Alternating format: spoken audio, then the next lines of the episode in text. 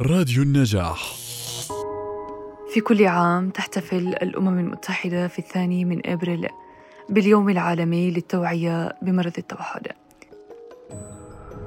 وهو يوم مهم يسلط الضوء على المصابين باضطراب طيف التوحد ودعمهم والتوعية بهذا المرض. يهدف اليوم العالمي للتوحد إلى تحسين نوعية حياة الأشخاص الذين يعانون من التوحد. وإدماجهم الكامل داخل المجتمع وتمكينهم من حقوقهم كاملة في مجالات التعليم والصحة والعمل. يظهر اضطراب طيف التوحد عادة في مرحلة الطفولة المبكرة، وعلى الرغم من اختلاف خطورة وأعراض هذا المرض من حالة إلى أخرى إلى أنه يتسبب في نهاية المطاف في حدوث مشكلات على مستوى الأداء الاجتماعي، ويؤثر على قدرة الأطفال في الاتصال مع المحيطين وتكوين علاقات متبادلة معهم.